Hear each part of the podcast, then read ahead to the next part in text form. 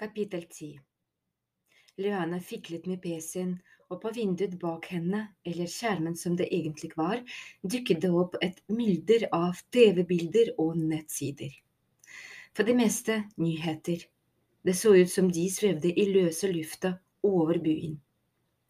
Fett, hvor mye koster en sånn skjermvegg? spurte Tico. Han så for seg å koble PlayStation til en sånn skjerm. Det ville bli helt rått. Luane ignorerte spørsmålet. Følger dere med på nyhetene? spurte hun. Litt, sa Thelma. Bare hvis jeg må i forbindelse med skolen, sa Tico.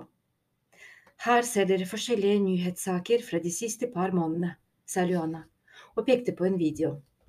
Ser dere den saken om sauene som har blitt tatt av ulven? Thelma og Tico så på bildene av en trist sauebonde som snakket og pekte. Så ble det klippet til bilder av blodige sauer som lå rundt om skogen. Ulven hadde tatt noen solide jafs av dem alle sammen. Så dykket sauebonden opp igjen, og nå kunne de se at han tørket tårer, samtidig som han fortsatte å peke. Alle skylder på ulven.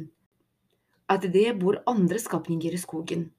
Skapninger som har holdt frihet i over hundre år, men som i det siste har begynt å utfordre oss. Sannsynligvis fordi de føler seg truet eller stresset. Vi mennesker bygger veier og hytter overalt, og de får stadig færre steder å gjøre av seg. Thelma og vekslet blikk. Hva slags skapninger snakker du om, egentlig? sa Thelma forsiktig. Hun klarte ikke å la være å spørre, selv om hun ikke var sikker på om hun ville like svaret. Eller tro på det. Luane så på henne. De har mange navn, sa hun, men dette er et stort tema. Nordisk skrømtologi er faktisk et helt eget fagområde, så det får vi snakke mer om siden. Men akkurat disse skapningene er ikke vegetarianere, for å si det på den måten. Dessverre er de heller ikke alltid så nøye med å skille mellom firbente og tobente, hvis dere skjønner hva jeg mener. Men akkurat denne gangen klarte vi å håndtere saken før den utviklet seg. En ivrig journalist luktet at det var noe muffens, men lokalaviser er som regel like lette å avlede som småunger. Løne pekte på et annet nyhetsinnslag. Det handlet om en småfly som hadde styrtet i havet utenfor norskekysten. Flyet med to personer om bord forsvant sporløst fra radaren og ble aldri funnet. Etterforskerne konkluderte med at flyet hadde synket på dypt vann, kanskje ble tatt av havstrømmene. Men de ikke visste, men som vi har funnet ut, er at det samme flyet med de to samme personene om bord landet på en flyplass i Sibir ca. 15 minutter før det styrtet i havet. Forstår dere? Nei, sa Thelma. Ikke i hele tatt, sa Tico. Men det må vel bety at det var et annet fly som styrte til havet. Det er det eneste logiske. Ja, det er det eneste logiske, men for et par dager siden fikk vi tak i denne videoen som ble gjort av en fisker utenfor Skottland. Ser dere hva de har fått i garnet? Løane klikket frem et videoklipp som viste et småflyvrak som duppet i vannet mens flere fiskere prøvde å fikle det løs fra garnet. Men det er umulig, sa Thelma. Flyet kan ikke være på to steder nesten samtidig. Det gir ingen mening. Nei, selvfølgelig gir det ingen mening, og likevel så har det altså skjedd. Og de to mennene om bord i flyet som landet i Russland, lever fortsatt, sa Luana. Ok, så hvorfor ikke bare spørre dem hva som egentlig har skjedd, foreslo Tico. Det kan ikke være så vanskelig. Det er litt vanskelig siden ingen av dem kan snakke lenger. De er ikke fysisk skadet, men begge er på sykehuset og trenger pleie døgnet rundt. De sitter der bare som tomme skall på et sykehus et sted i Russlands dype skoger. Og så er det jo litt komplisert å forklare familiene som akkurat har gravlagt sine kjære fra flyvraket utenfor Skottland, at det finnes en slags kopi av familiemedlemmene deres som fortsatt lever. Ja, jeg ser den, sa Tico.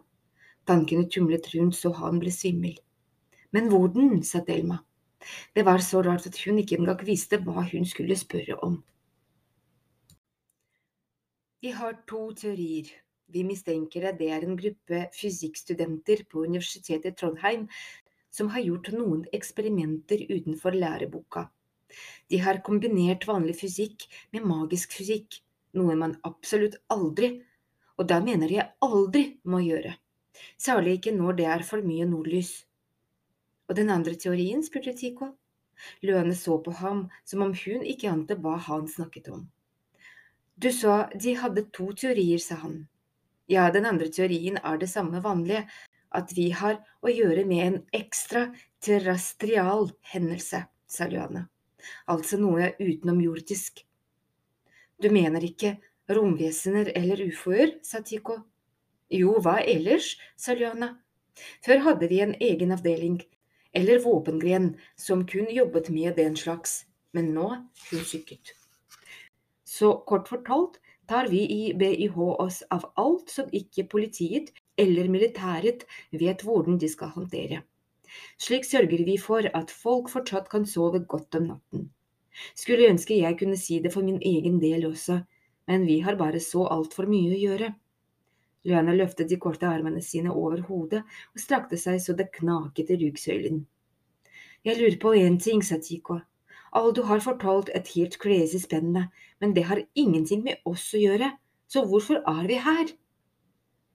Sa jeg ikke det, sa Luana og så forbauset på dem.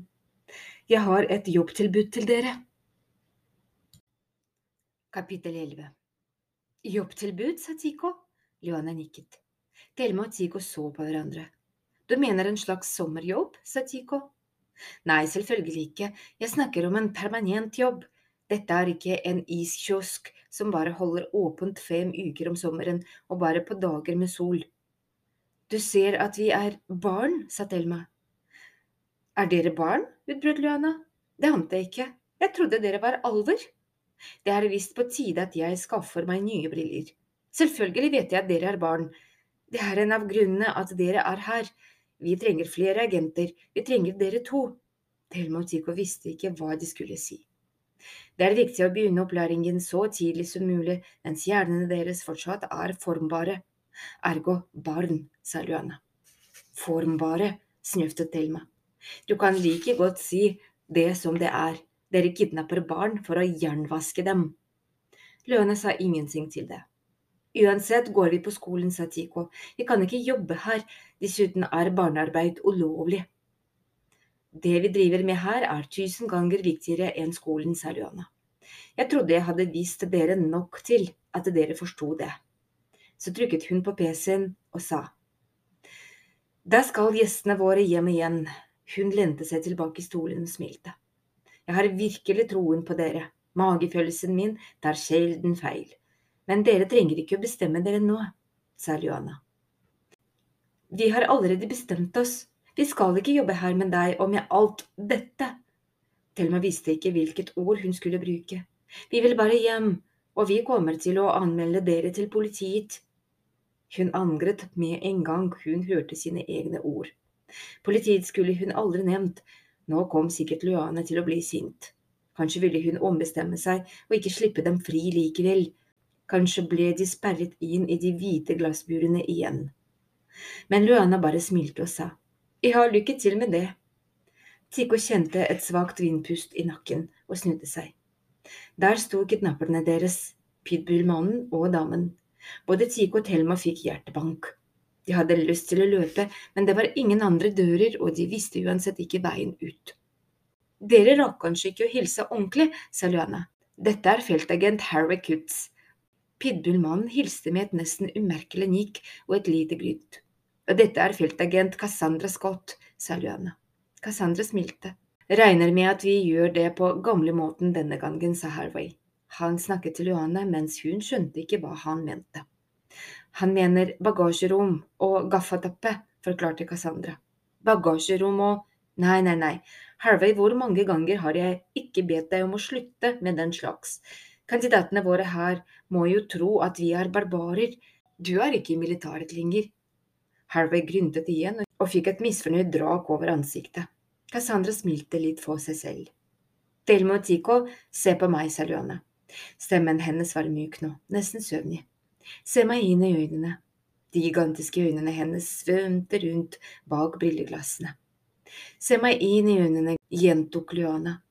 Tico skjønte at hun forsøkte å hypnotisere dem. Det kommer aldri til å virke, tenkte han. Det kommer aldri til å… Det kommer aldri virke. Vi ses snart igjen, plutselig, hvisket Luana og knipset. Og verden forsvant. Igjen.